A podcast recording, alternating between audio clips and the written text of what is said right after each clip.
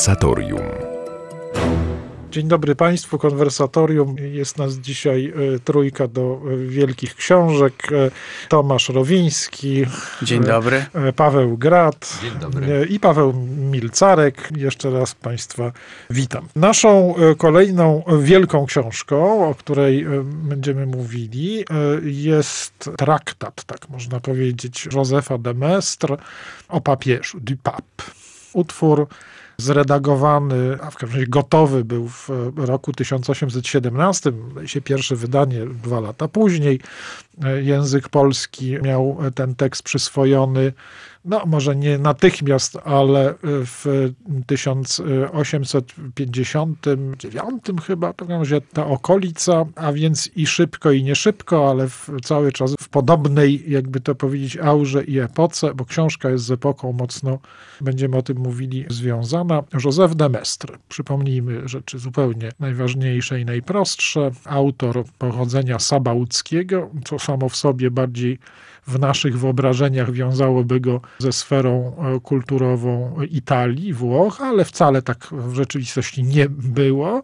Jest to autor, którego pewnie odruchowo byśmy nazwali francuskim, bo pisywał po francusku i niewątpliwie bardziej jest związany z dziejami, jeśli już szerzej, to francuskimi, chociaż jego własna Sabaudia to też jest teren jego, jego również działalności. No i autor znany nam bynajmniej nie z tego jednego tekstu, można powiedzieć, że bardziej nawet znany nam jako jeden, jak się rzekło, jak się zwykło mówić, doktorów kontrrewolucji, jeden z autorów będących klasykami, mówiąc bardzo szeroko, konserwatyzmu, posługując się nieco bardziej konkretną kategorią, którą przyjęli historycy e, idei, to tradycjonalizmu, klasyk tradycjonalizmu, przy czym w tej formule tradycjonalizmu, pojęcia tradycjonalizmu, które zwykło się używać tak, dla tamtego czasu, a więc doktryna, w której e, sam moment tradycji, przekazu, pewnego obyczaju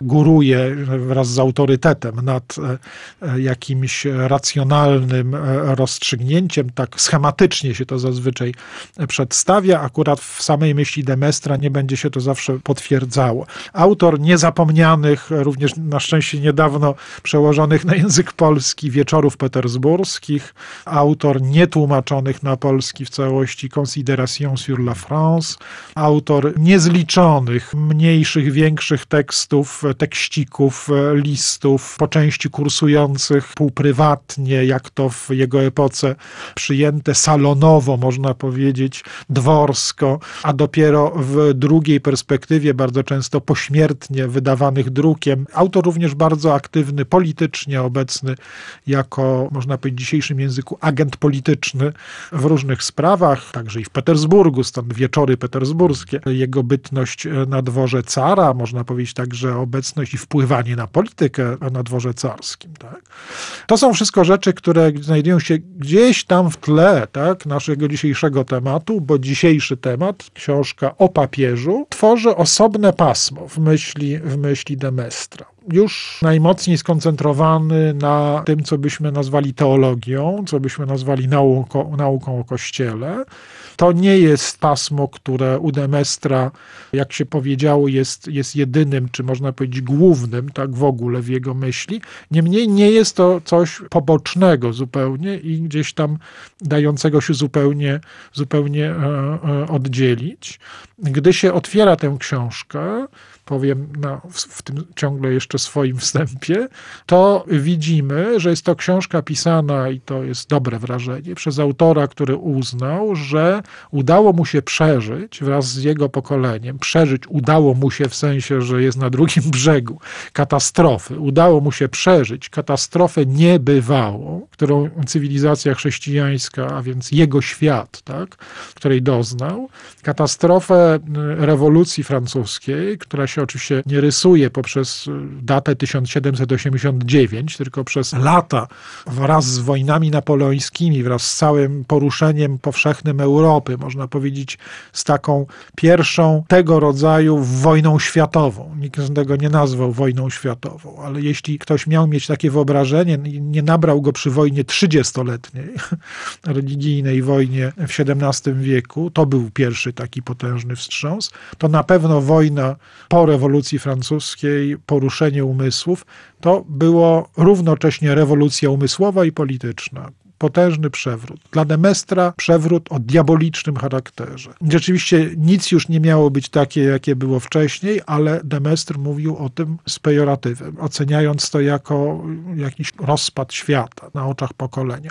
Książka pisana jest więc przez kogoś, kto to widzi i kto uważa, że jedynym sposobem ponownego zintegrowania tego świata i to zintegrowania go na płaszczyźnie no, nie byle jakiej, tylko wokół prawdy, wokół, wokół dobra, prawdy i tak dalej, czyli na najwyższych tonach, to jest odrodzenie albo powiedzmy szczerzej, wybudowanie, wywindowanie na szczebel najwyższy władzy papieskiej. Że w świecie, w którym wielkie chrześcijańskie monarchie albo upadają, albo od wewnątrz tracą uzasadnienie, albo przekształcają się w monarchie liberalne nowego typu, albo wprost stają się jakimiś despocjami, absolutyzmami, które w dobrej lub złej e, sprawie e, sięgają po E, na uzasadnienia czysto utylitarne władzy, no, że w tym świecie nie da się budować Christianitas, tak jak ona trwała przez wieki, na przykład na, jakby to powiedzieć, przerzucaniu się dwóch potęg, e, cesarstwa i papiestwa, tylko właśnie z tych dwóch liczyć można coraz bardziej na to papiestwo. Jest to książka, która wybudowała nowoczesną wizję papiestwa związaną z ultramontanizmem, z przekonaniem, że katolik to ten, kto wierzy w chrześcijaństwo, które, jak w tej książce powiedziano we wstępie, zbudowane jest na papieżu. Mhm. Jeśli brakuje tego punktu podparcia, chrześcijaństwo się rozsypuje. Szapoba. Patrzę na tę książkę i myślę sobie, to jest jedna z pierwszych książek, którą napisał człowiek świecki, z zapałem publicysty, z potęgą pióra takiego wychowanego salonowo autora, który sięga po najlepsze wielbiciel kiedyś Woltera, prawda? po najlepszą mo możliwości publicystyczne autora oświeceniowego, ale równocześnie posiadającego, no powiedzmy sobie szczerze, niebywałą jak na człowieka świeckiego znajomość i teologii, i historii. Oczywiście modeluje ją osobiście, modeluje ją sam, ale z potężną siłą oddziaływania.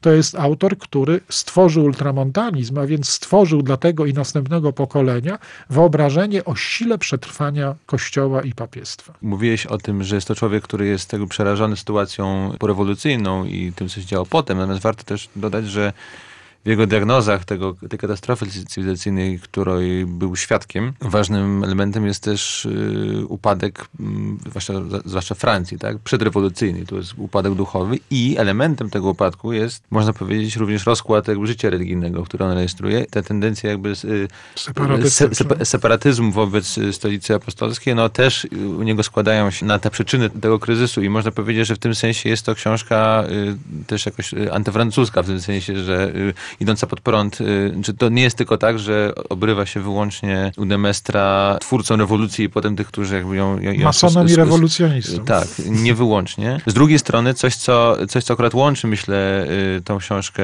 z kulturą polityczną Francji, to jest to, że widać jakby takie długie trwanie takich podstawowych zasad absolutyzmu tak, w tej, tej książce. Tak? To znaczy Demestr myśli w takich kategoriach, y, w jakich myślały nowożytne elity polityczne, dwór, tak, też, też francuski przed rewolucyjny, w którym no, krążyło taka, ta, takie hasło, że prawda, nieprawda, tylko autorytet tworzy władzę, tak? Że ostatecznie tym, co się liczy w skuteczności działania politycznego jest y, obowiązywanie autorytetu, a nie realizowanie jakby jakiejś, nie wiem, no, po prostu zgodności zewnętrzną wobec tej władzy, tej władzy normą. I to jest, można powiedzieć, tutaj się to łączy z tym publicystycznym stylem, tak? To znaczy Demestry jest bardzo inteligentnym pisarzem, porywającym momentami i to się, no nie jest tak byle pismak, no ale można powiedzieć, że jest takim trochę byliśmy dzisiaj powiedzieli, takie trochę trolem, tak? To znaczy wybiera sobie jakąś jedną tezę, wyciąga wszystkie konsekwencje, wie, że w ten sposób prowokuje wszystkich, którzy go słuchają, ale jest tak tym konsekwentnie przekonujący, że jakby no chcemy, chcemy go czytać. I trochę te papierstwo jest u niego czymś takim, czy takim cudownym rozwiązaniem, tak? które ma po prostu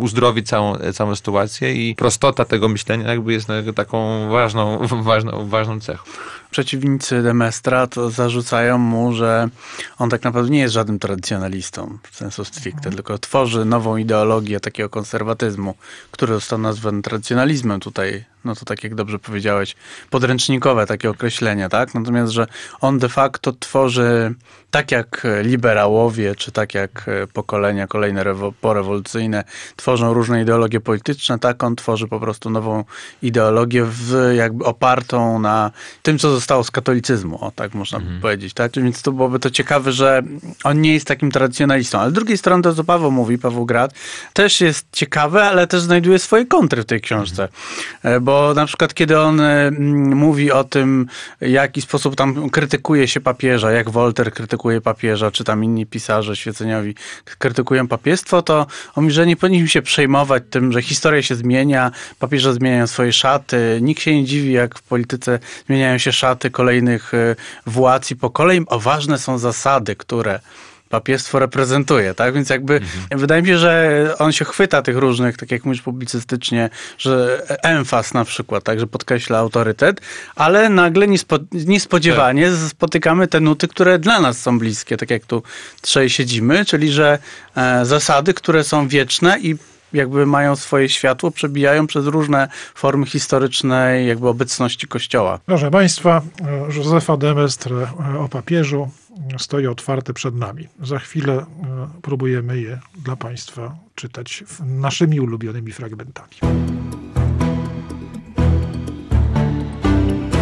Wracamy do rozmowy o y, Józefa de Mestra, o papieżu. Mówiliśmy o okolicznościach, o tonie, który z tymi okolicznościami jest y, związany, o tym, że jest to poniekąd książka powiedzmy sobie polityczna, polityczno-teologiczna, że jest to książka wpływowa, że e, z jednej strony, o czym mówił Paweł Grat, jest książką jakoś krytyczną wobec francuskiego e, galikanizmu, wobec e, niezdolności francuskiej do wychwycenia geniuszu papiestwa, tak? ale można powiedzieć, to jest książka, która wielu Francuzów w następnym pokoleniu, tych najbardziej aktywnych obrońców chrétienté we Francji, Francji przekonała do tego, że jedynym katolicyzmem, który przetrwa, jedynym katolicyzmem godnym życia, jedynym katolicyzmem e, przechowującym prawdę jest katolicyzm ultramontański. Jest katolicyzm, który e, jest e, zmobilizowany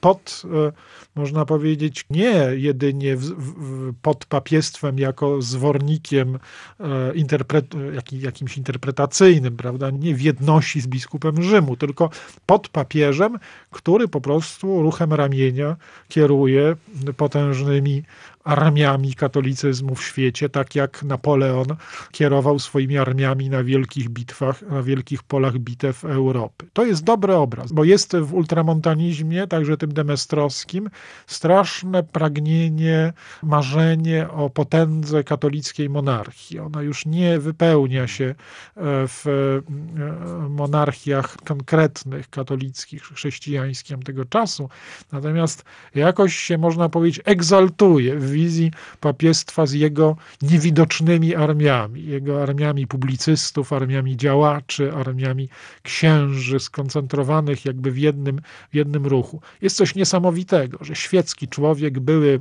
mm, wolnomularz, ezoteryk, który przeszedł na katolicyzm i stał się, jak mówiliśmy, aktywnym publicystą, zapanował nie tylko nad wyobraźnią, ale też nad teologią wielu katolickich teoretyków. On dał im siłę, której już nie czuli, siedząc na swoich katedrach i rozważając traktaty de Ecclesia. Nagle napisał coś, co weszło w życie jako moment e, ogromnej dyskusji. To trochę tak taki, ja wiem, przepraszam, to trochę tak jakby ktoś nagle stał się frondą tamtych czasów. Frondą nie w znaczeniu dziejów XVII-wiecznej Francji, tylko nagle ktoś, kto po swoim nawróceniu, bo to jest jedno z takich pism, które jest serią pism różnych konwertytów, którzy nagle zapałali miłością do, do, do katolicyzmu, do wiary. I przychodzą z całą swoją kulturą i tą kulturą chcą bronić tego, co wydaje im się, że nikt inny tak jak trzeba nie, nie broni. To chyba to stąd się bierze ten początek ultramontanizmu. A co wyczytał tutaj Tomasz Rowiński. Ja to wyczytałem takie wątki e, właśnie polityczne, bo tak na początku przedstawiliśmy tą książkę jako mocno teologiczną, ale ona tak naprawdę jest taką książką też polityczną i oczywiście jak się czyta różne fragmenty, to człowiek się zaczyna zastanawiać, czy nasze różne pojęcia o katolicyzmie, przeszłości, jego zasadach, to, to Demestr to zaczerpnął ze skarbca tradycji, czy my myślimy pewnymi rzeczami, które w prosty sposób momentami Demestr podaje.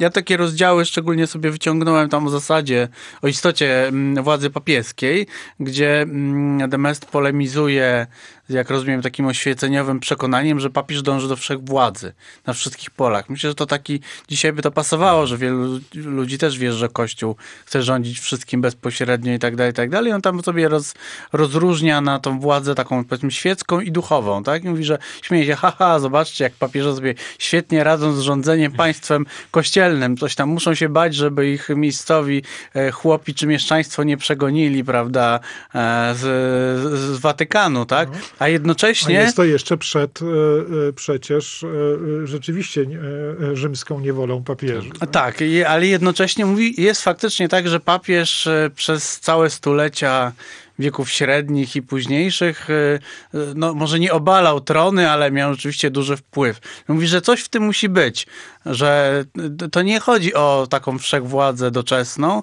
ale że rzeczywiście chodzi o wszechwładzę duchową, tak? I wtedy jakby on rozróżnia mm, te rzeczy, pokazując jak często tak naprawdę papież był słaby politycznie, że państwo kościelne nie dążyło do jakiejś takiej dominacji bezpośredniej, natomiast zawsze jakby chciało być pewnym takim przewodnikiem zasad.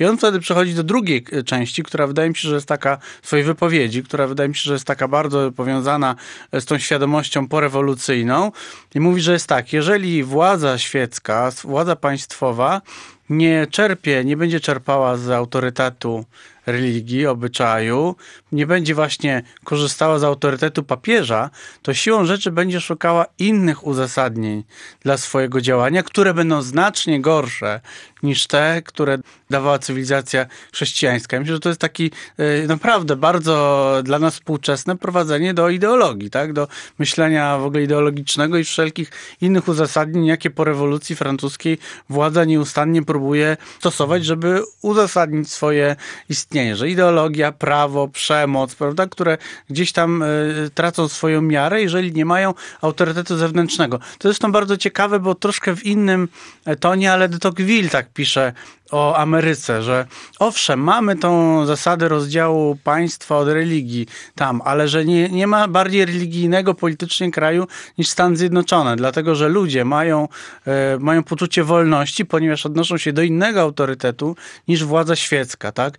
I u niego jest bardzo podobny schemat u Demestra, tak? Oczywiście on to na tym wyższym poziomie pokazuje, na poziomie tych e, krajów, które są albo monarchiczne, albo postmonarchiczne, świeże republiki i tak dalej, europejski kontekst, ale to jest bardzo podobny schemat, że jakby religia i obyczaj i te zewnętrzne autorytety po prostu dają ludziom wolność, a władzy tak naprawdę rzeczywisty autorytet, tak, który nie jest tylko właśnie jakimś takim panicznym poszukiwaniem sposobu, żeby ludzi trzymać e, mm, w ryzach. I to, to bardzo, bardzo ciekawe mm, te, te, te dwa rozdziały, które w sumie może nie dotyczą tak bardzo papiestwa w sensie religijnym, ale jakby pokazują mm, pewien taki kurs e, konserwatywny można powiedzieć, który e, no właściwie od XIX wieku do dzisiaj w, jakimś, w jakiejś mierze funkcjonuje w myśli, czy to katolickiej, ale też nie tylko katolickiej, bardziej konserwatywnej. To by z tego wnikało, co mówisz, nie wiem, czy się zgodzi ze mną, że to jest taka wizja, która przypomina trochę to, jak mm, niektóre kręgi na początku lat 90. chciały postrzegać trzecią Rzeczpospolitą, tak? To znaczy, że oczywiście Kościół nie ma władzy w wszystkich jakby sferach życia, tylko w sferze duchowej, ale w tej sferze duchowej, no to jakby jest jedno władztwo, w Rzymie jest nasz papież, prawda? prawda? I on, i musimy na tym fundamencie cywilizacji chrześcijańskiej budować ten nasz porządek. Ja bym powiedział jeszcze tylko, że ostatecznie, tak tutaj trochę chyba krytykujemy, tak rozumiem wasz ton, tę apoteozę papiestwa, bo ona rzeczywiście traci miarę, ale tak wydaje mi się, że z psychologicznego punktu widzenia nie jest to dziwne, tak? To znaczy, jeśli ma się już takie rozpoznanie, jak, jak ma Demestre, tak? że, ten świat się zawalił i, i nie można jakby szukać w porządkach politycznych, które istnieją, w ogóle jakieś zasady porządkujące życie, tak?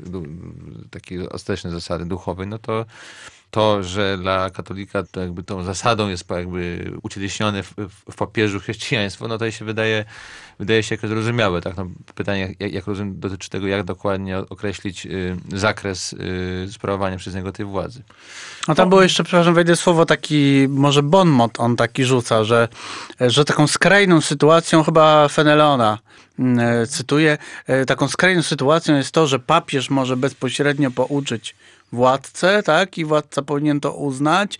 Natomiast drugą skrajnością jest, że władca może no nie wiem, tam e, aresztować, skazać na śmierć biskupa, tak? To jakby była mhm. taka, on mówi, że oczywiście nie mamy żadnych e, ścisłych narzędzi do tego, żeby określić, kiedy ta ostateczność ma być wykonana, ale ona określa jakby stan ale rzeczy. Ale moim zdaniem problem jest w ogóle to, że jakby tam nie ma na tych gruzach porewolucyjnych, w ogóle nie ma za bardzo narzędzi, jak ta władza papieska nagle miałaby być wykonywana. Inspirować. Że, że to jest trochę tak, że im większa jest emfaza w tej książce, tym bardziej ona przysługuje przesłania jednak bezradność polityczną. Znaczy, bo trzeba byłoby jakichś państw, jakichś e, sił, które w rzeczywistości by dokonywały jakby jakiejś takiej e, tak, e, rekonkwisty politycznej pod sztandarem właśnie Ojca Świętego. To wszystko takie jest właśnie, taką jest ideologią, takim marzeniem trochę, tak? No tak, dlatego rozwinie się, to my już to tacy mądrzy jesteśmy, że rozwinie się w jakieś hipertrofie takiego papizmu czy papolatrii, ale we wewnątrz e, szeregów, e, najściślej biorąc powiedzieć, kościelnych. Tak? To znaczy tą książką wewnątrz organizmu, najściślej biorąc kościelnego, katolicy są napompowani tymi potężnymi nadziejami wobec e, papieża jako papieża, jako, jako również tego władcy, no już nie mającego może tych dywizji właśnie, ale jednak mających ten potężny posłuch, tak? I ten posłuch, który jest jakoś, bo Demest nie jest tym takim w tej książce na pewno nie jest ani manipulatorem, ani sceptykiem takim, który sobie wyrysowuje wyłącznie konieczność władzy papieskiej. On jest, tak jak sądzę, konwertyta, który oddaje swoje siły intelektualne i duchowe Kościołowi. Pierwsze poruszenie to jest przekonanie o prawdziwości tego, w czemu chce służyć. A drugie dopiero poruszenie to jest, jak tej prawdziwości dodać siłę. To jest marzenie, które słusznie Paweł Grat mówi tu, że mu się kojarzy z 90 latami. Według mnie to, do, to sięga na pewno do Jana Pawła II. Ta książka miała w Polsce taki przekład wznawiający frondy w roku 2007 czy 2008, to już są czasy Benedykta XVI i to jest jednak cały czas niesione przez pokolenie JP2, że tak powiem, przez całą tę hossę, także papieską w Polsce, przez całe to marzenie także o Rzeczpospolitej papieskiej. Tomek Terlikowski jest autorem wstępu do tej, do tej książki, autor równocześnie książki e, Rzeczpospolita Papieska. Wszystko to, to już mogę mówić po części jako świadek, jest we krwi, w marzeniach, w fantazji, w duszy, w wierności tego pokolenia. Tak? Ani w książce, ani w przedmowie nie ma nawet cienia dzisiejszych problemów Kościoła. Tak, znaczy, tak, jest tak, oczywiście. tak jakbyśmy jakby... dzisiaj dopiero byli w momencie, kończy się jakby oddziaływanie tej książki w szerszych jakichś tak, tam tak, kręgach. Kościoła niż, no, niż by się wydawało. Tak. Powiedzmy sobie, ja jestem w odbiorze tej książki także dzisiaj, nie tylko wtedy, gdy ją dostałem, gdy ona, gdy ona między nami kursowała jako, jako rodzaj wznowienia kontrrewolucyjnej klasyki, tak? ale także dzisiaj, gdy ją czytam z wieloma różnymi dalszymi przemyśleniami, to powiadam sobie, że jestem w dalszym ciągu rozdarty między jakimś jednak uznaniem tej energii dobrej tej książki, z całym starania, które tam jest, a równocześnie jednocześnie widzeniem tych e, niedoskonałości tej, tej recepty, tego, że, że no jednak my możemy dzisiaj powiedzieć, to nie na tym, jeśli autor mówi w pewnym momencie, że chrześcijaństwo jest zbudowane na papiestwie, to ja dzisiaj widzę, że to papiestwo jest zbudowane na chrześcijaństwie. Trzeba pewnie byłoby oba zdania e, ustawić obok siebie. Ja wiem, że autor jest ogromnie zachwycony tym, że po prostu Kościół katolicki, o którym on pisze, że był i w jego czasach jest, przedmiotem najbardziej podłej antykatolickiej propagandy, najbardziej celowanej właśnie dokładnie w Kościół katolicki. Autor jest pod wrażeniem tego, że jak on mówi, e, instynkt nieprawości jest bezbłędny. Tam, gdzie uderza, tam widocznie widzi swojego największego wroga. To jest też pewien mechanizm myślowy, który wydaje mi się e, dziedziczymy. Tak? Jest takie założenie, że jeśli nawet nie jesteśmy w stanie sami rozpoznawać pozytywnie, co, czego, gdzie się trzymać i tak dalej, to przyglądajmy się tym najgroźniejszym siłom rozkładu. Tam, gdzie one uderzają, tam widocznie jest największe źródło odrodzenia. Ileż razy słyszałem tego typu e, rozpoznanie sytuacji i ile razy e, musiałem wobec takiego sposobu myślenia się opowiadać i trochę też, e, można powiedzieć, samemu się od niego odwracać. To jest coś więcej niż, niż manifest człowieka, to nie jest tylko zapis doświadczenia epoki, to jest Biblia Biblia kilku pokoleń. No tak, ale jednocześnie to, jak on mówi, że na papiecie zbudowane jest chrześcijaństwo czy Kościół, tak?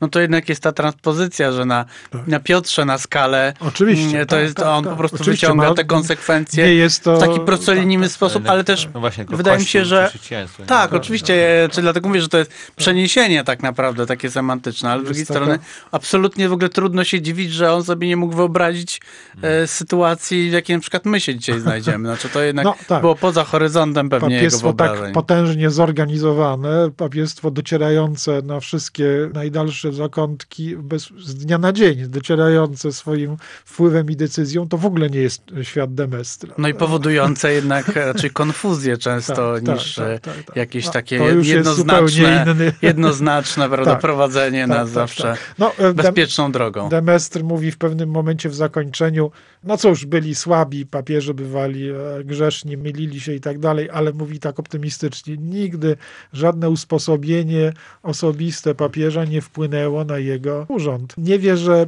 przez, że jest uczestnikiem procesu, który tak mocno e, na, napompuje siłę oddziaływania osobistego konkretnych papieży, że staną się dla wielu katolików czymś ważniejszym niż ich władza, niż ich urząd, niż ich papiestwo.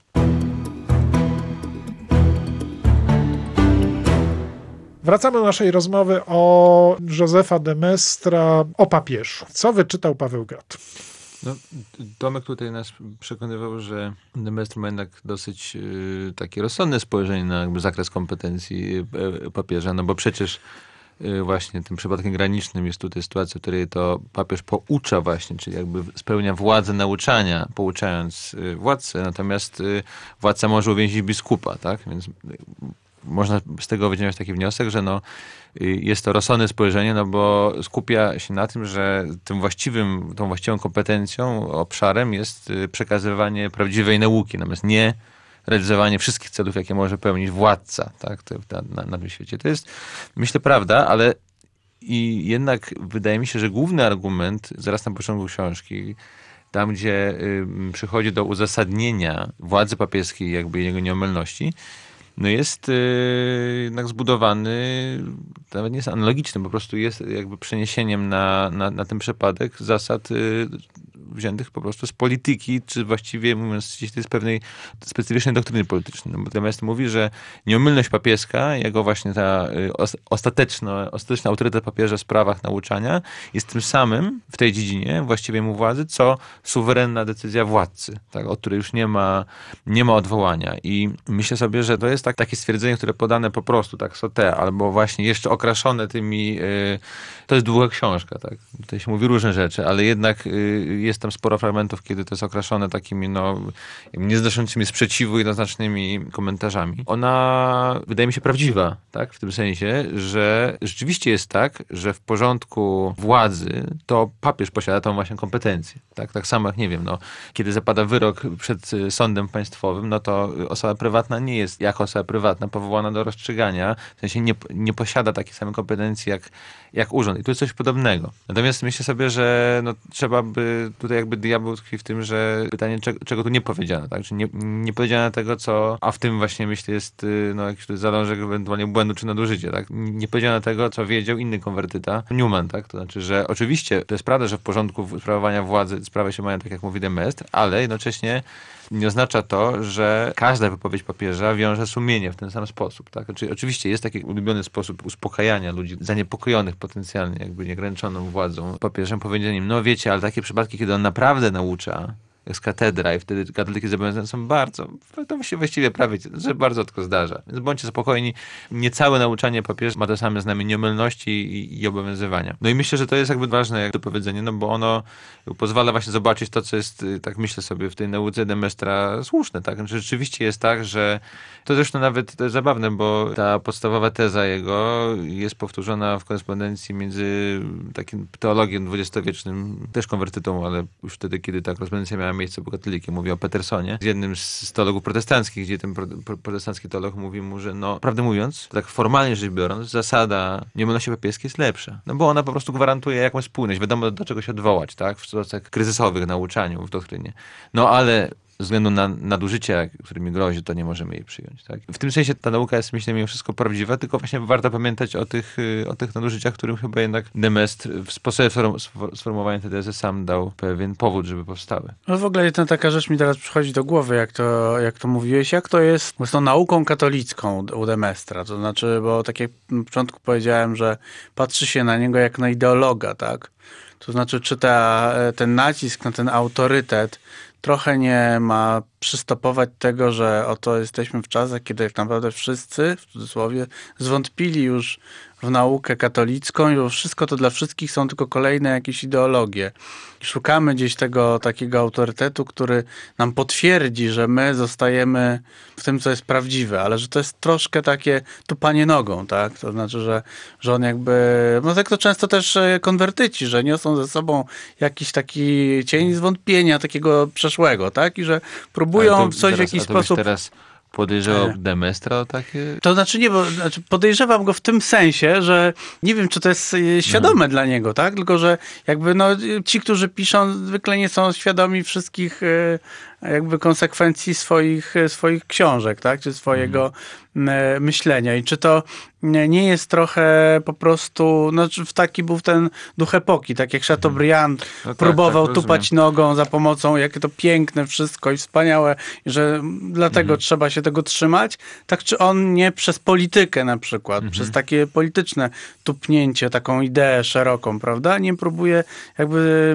zrobić tego samego, że to troszkę są wszystko takie ślady jednak tej epoki, która no, jest taką już epoką, że coś no się może. skończyło, tak? Świat się rozpadł i mhm. teraz coś z tym trzeba zrobić. Nie zrobimy e, z tym nic, jeżeli, nie wiem, nie przeniesiemy tych pięknych, prawda, katedr i nie zadbamy o tam od dziedzictwo, a ci, ten mówi, jeżeli nie zachowamy pewnej spójności politycznej, my jako chrześcijanie, katolicy, to wtedy właściwie wszystko się rozejdzie. Trochę coś takiego, tylko że w innym aspekcie właśnie Terlikowski w swojej przedmowie pisze, mówi, że dlaczego prawosławie nigdy nie zyskało żadnej siły, jest przecież takie wierne tradycji, piękna liturgia, bo są rozdrobnieni, słabi, każdy kościół swoją stronę idzie, nie mają jednego przekazu, mimo że niby mówią prawie, że to samo, tak, bo od wieków, prawda, nic starają się nie zmienić w związku z tym, że dla nich się rozpadł kościół, prawda, na wschód i zachód, e, więc jakby, czy to się też nie łączy z tym, że sam, sam jakby Demestr w sumie nie zaproponował żadnej praktyki politycznej, tak jak Paweł Micarek powiedział, że tak naprawdę zaproponował kościołowi pewną drogę do takiego zintegrowania się, mobilizacji, tak, wokół. Mamy Ojca Świętego, świat się rozpadł, ale my idziemy tutaj e, tą drogą. Ale czy, czy, czy rzeczywiście jakby, e, że chyba nie zaproponował e, wyjścia z tego impasu dla, no, dla tej cywilizacji chrześcijańskiej? Na, na pewno jest tam przekaz w kilku miejscach, w których widzimy jednak jakieś marzenie, więcej niż marzenie Demestra, że te energie polityczne mm, zostaną chrześcijaństwu restytuowane, tak? To znaczy jednak ta cała perswazja zwrócona do jego kompatriotów francuskich e, jest z jakimś, e, jesteśmy, pamiętajmy, w, w dobie, e, gdy ta książka powstaje, w dobie restauracji, w jej początku, jest bardzo burzliwa sama restauracja i Demestry jako również uczestnik, obserwator i tak dalej, zdaje sobie sprawę z różnych dwuznaczności tego, tej odbudowy tego tego legitymizowanego ładu politycznego monarchii francuskiej, no ale marzenie, żeby odwrócić to i całe tą, całą tę marnację, za przeproszeniem, która jest w gallikanizmie e, obecna, całą tę marnację, tam jest bardzo dużo profrancuz, takich e, głaszczących Francję, bo jednocześnie obok mhm. tej, tej krytyki, o której Paweł Grad mówi, jest jednocześnie dużo tego głaskania. No Francja, szczególny geniusz, jest w stanie tak naprawdę być tą e, córą, która jak się zaweźmie, to tak naprawdę będzie głównym obrońcą. Coś z tego było. Pamiętajmy, że, że Francja w pewnym momencie miała w sobie tę świadomość, że ma być tym protektorem papiestwa, tak jak za przeproszeniem e, za Pepina. Tak?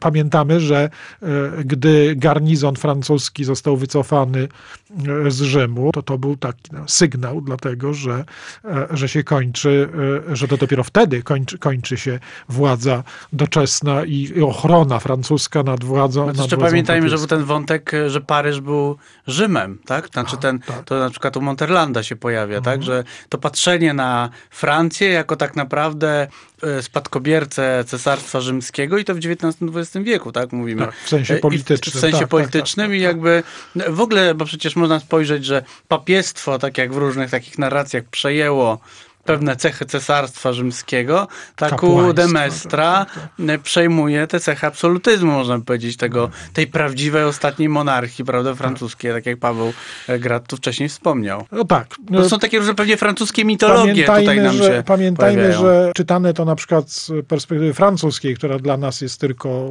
czymś, co możemy sobie obserwować, no to oczywiście jest to książka prawie że wewnętrzna, to znaczy jest to książka, która, która tworzy misję odrodzonego katolicyzmu francuskiego, porewolucyjnego. Stąd no, nie jest dziwne, że ci, którzy potem byli herosami tego odrodzenia katolickiego, tak, z Dom Garangerem na czele, no oni byli wszyscy uczniami w jakimś sensie tej lektury. Oni wszyscy Demestrowi głęboko zawierzyli. Poszli w tym kierunku jako teologowie, jako publicyści i tak dalej, w tym kierunku.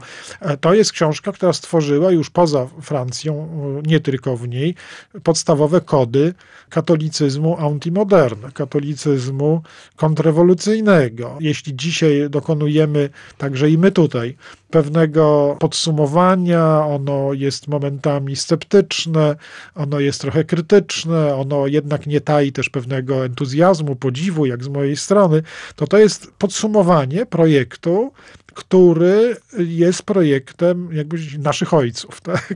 projektem e, pewnej misji ratunkowej, pewnego i to misji ratunkowej idącej przez górę, nie, nie w dół, nie misji ucieczki, tylko misji, tylko misji przebicia wyżej, podbicia wyżej stawki. Tak? I pamiętajmy, że autor musi być autorem odważnym, skoro mówi to tak, mając w pamięci cały szereg papieży słabych, XVIII wiek, papiestwa w upadku, mając w pamięci papieży, którzy duchowo już wyrastają wyżej, ale e, są słabi, jeśli chodzi o wpływy, no, papież czasów Napoleona, to można po prostu o papieżu, za przeproszeniem, prawie męczenniku mówić, tak? Znaczy o papieżu aresztowanym, papieżu w więzieniu i tak dalej, ale to nie jest papież mocarz. Jak nam łatwiej byłoby i, jak łatwiej było pisać o e, takie, takie teksty podobne, za, nie wiem, wiem, Piusa IX, nasza poezja, e, tak powiem, papieska z tego, z tego, z tego wyrasta. Norwid, Mickiewicz, Marzenia Słowackiego, to, ale to jest właśnie rozpędzanie się tego ultramontanizmu. Ale Demes jest wcześniej. Jest wtedy, gdy trzeba było powiedzieć, panowie, to papiestwo jest punktem podparcia. To tutaj jest ten, ten mocny punkt. Tak? I ciekawe, bo przecież Demestr e, najpierw wychodzi z, z zachwytu, że Kościół w ogóle przetrwał. Mówi, przeciwko Kościołowi zostały użyte w naszym pokoleniu, poprzednich dziesięcioleciach, najgorsze uderzenia. On mówi sylogizm, gilotyna i kpina. Trzy rzeczy. Wszystkie te trzy rzeczy Kościół e, przeszedł, przewalczył, istnieje. Idzie do przodu. To jest nowe życie. Na czym ma być budowane to nowe życie? A tak jak ja się zgadzam z, e, z Pawłem Gradem w tym, że y, wydaje się, że się tutaj zgadzamy w ogóle, że, że oczywiście cały generalny projekt jest nie tylko budzący szacunek, tak, że w ogóle tak, ktoś coś takiego był w stanie zarysować, ale, ale też i generalnie intencja tego, tego projektu jest, jest, jest niepodważalna, jest interesująca. Natomiast, natomiast oczywiście no, widzimy, co się stało, tak, co się dzieje w Kościele, gdy on próbuje zastąpić e, tę ultramontańską energię wewnątrz swoich szeregów, zastąpić e, wpływ na historię polityczną, na, na, na, na, na nadzieje polityczne, jakby to powiedzieć, poza swoimi eklezjalnymi tak, szeregami. Dziękuję Wam za rozmowę, dziękujemy Państwu za, za uwagę. Polecamy książkę do lektury i dyskusji. A tymczasem z Państwem się żegnamy. Tomasz Rowiński się Do żegna. usłyszenia. Paweł Grad Do widzenia. i Paweł Milcarek. Do usłyszenia Państwu. Audycja powstaje we współpracy z kwartalnikiem Chrystianitas.